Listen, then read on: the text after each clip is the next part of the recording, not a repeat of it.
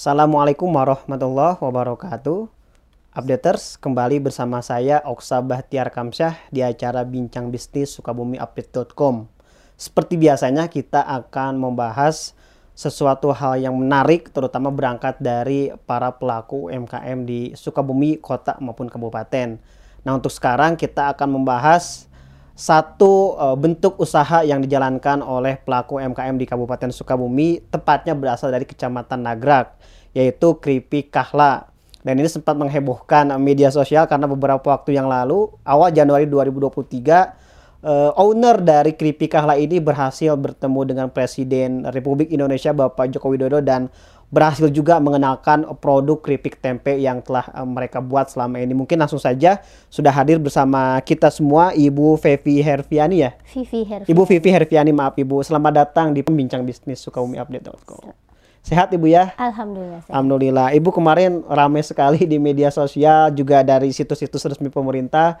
Ibu berhasil menerobos ring satunya Bapak Presiden dan memperkenalkan keripik kahla. Mungkin sekilas sebelum kita bicara lebih jauh tentang perjalanan Ibu.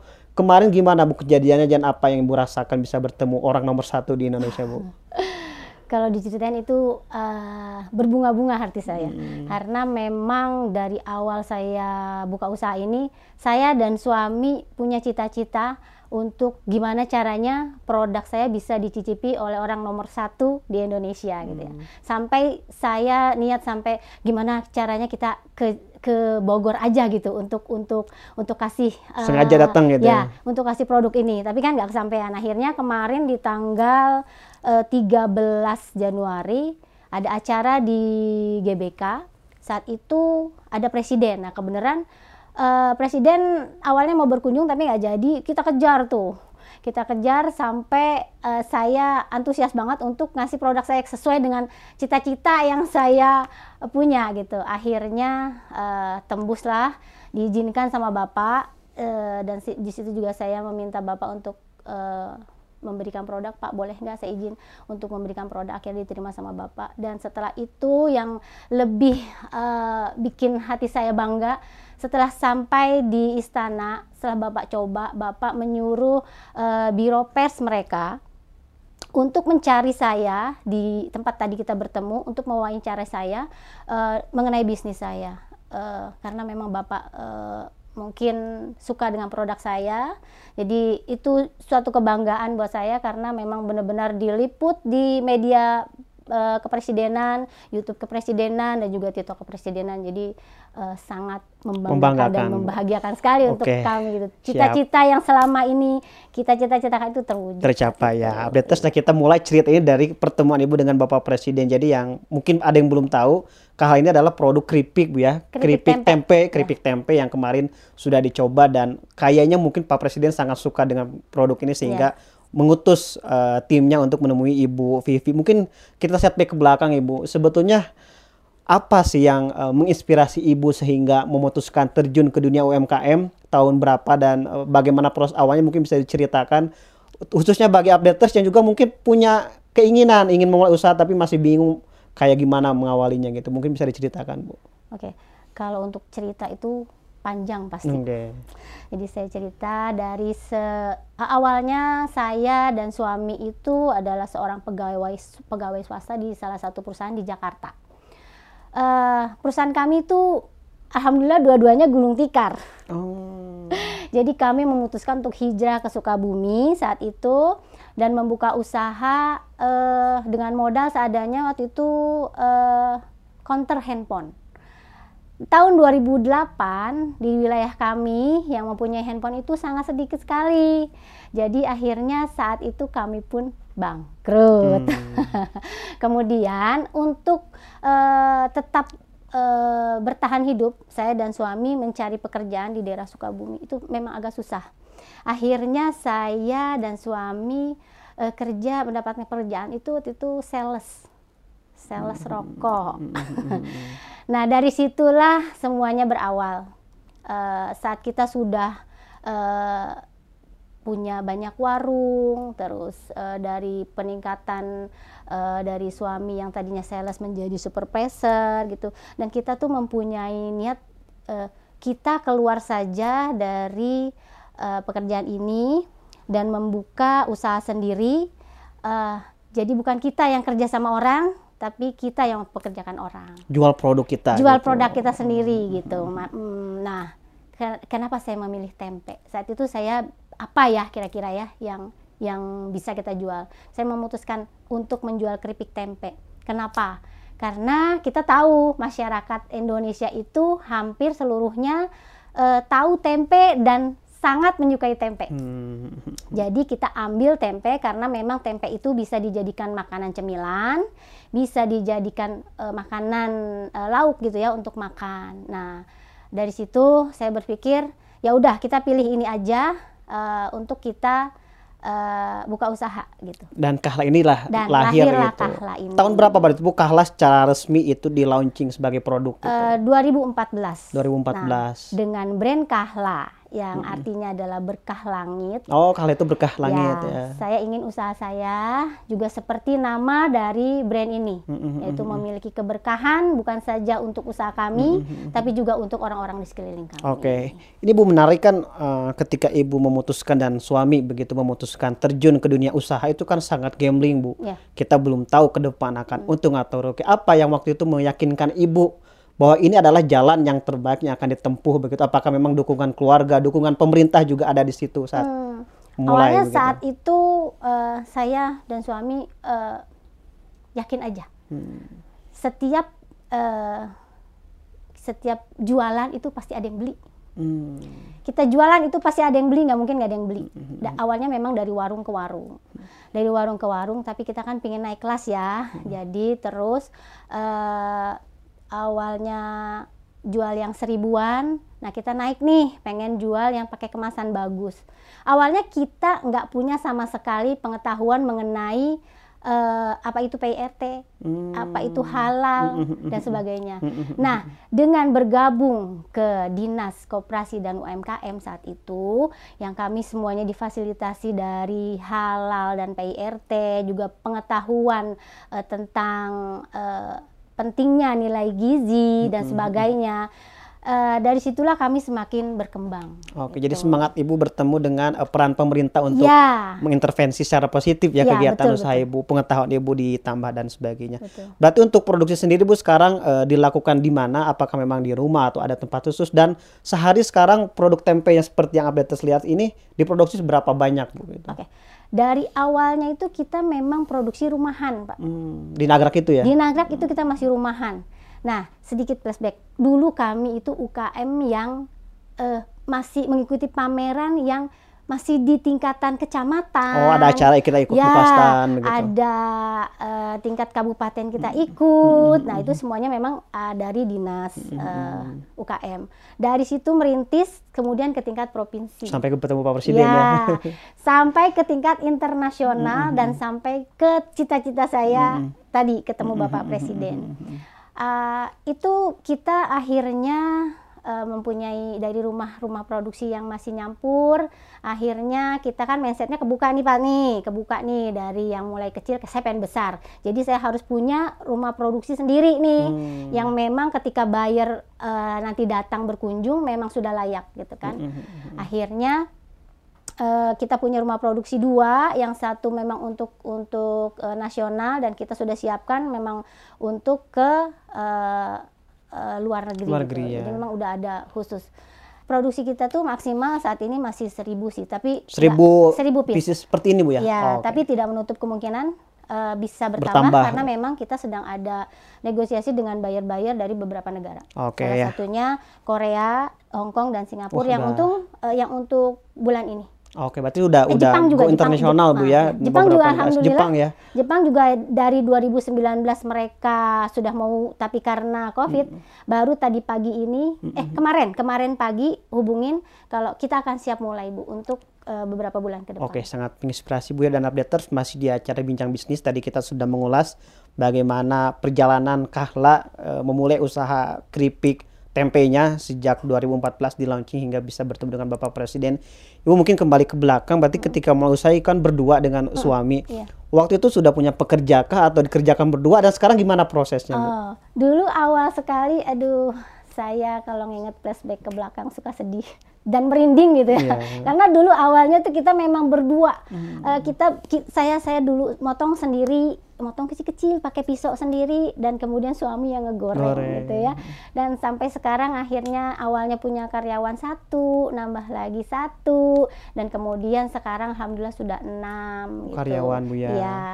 Sedikit-sedikit ada kemajuan. Jadi memang couple planner Pak ya suami Ya, istri ini ya, memulai usaha alhamdulillah. dari nol sampai sekarang mudah-mudahan Ya. terus berkembang Ibu ya. Iya, amin. Untuk harga sendiri Bu bagi masyarakat updaters yang mungkin ingin mencoba ini bisa beli di mana dan harganya berapa sih Bu satu ini tuh gitu. Eh, untuk yang sekarang kita sudah ada di Alfamart dan Indomart, juga ada di toko oleh-oleh Hmm. dan juga ada di eh, marketplace marketplace. Ya, bisa Eh, langsung dipesan di bisa situ ya. Dipesan di Shopee, Tokopedia, eh, Blibli dan banyak lagi lainnya. Oke Bu.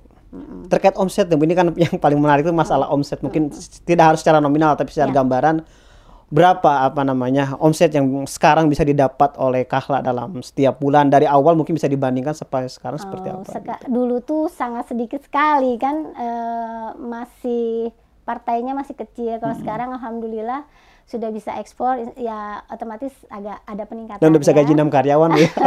Alhamdulillah. Nah saat pandemi itu Nah, yang, pandemi Bu bisa diceritakan Oh, iya. tantangan seperti apa begitu. eh, saat pandemi itu memang anjlok banget karena eh, saya ini pasarnya kan ke market modern ya, Hmm. eh, ke toko oleh-oleh gitu kan.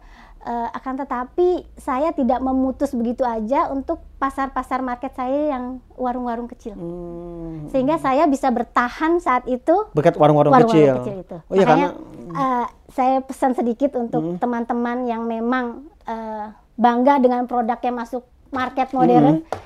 Kalau bisa jangan ditinggalkan karena saat kita nggak tahu ya saat Iya. sesulit seperti kemarin itu bisa terulang lagi atau tidak. Tapi yang setahu saya yang bertahan saat eh, COVID kemarin itu memang warung-warung eh, kecil. Hmm. Market modern tutup, toko oleh-oleh tutup, eh, hanya market market eh, digital ya, yang Hmm. yang yang sudah mengenal digital dan warung-warung kecil itu yang masih bertahan. Oh iya benar ya pandemi kan oleh-oleh otomatis kan berkaitan dengan wisata ya. Ya. Wisata kan juga kolaps. Ya.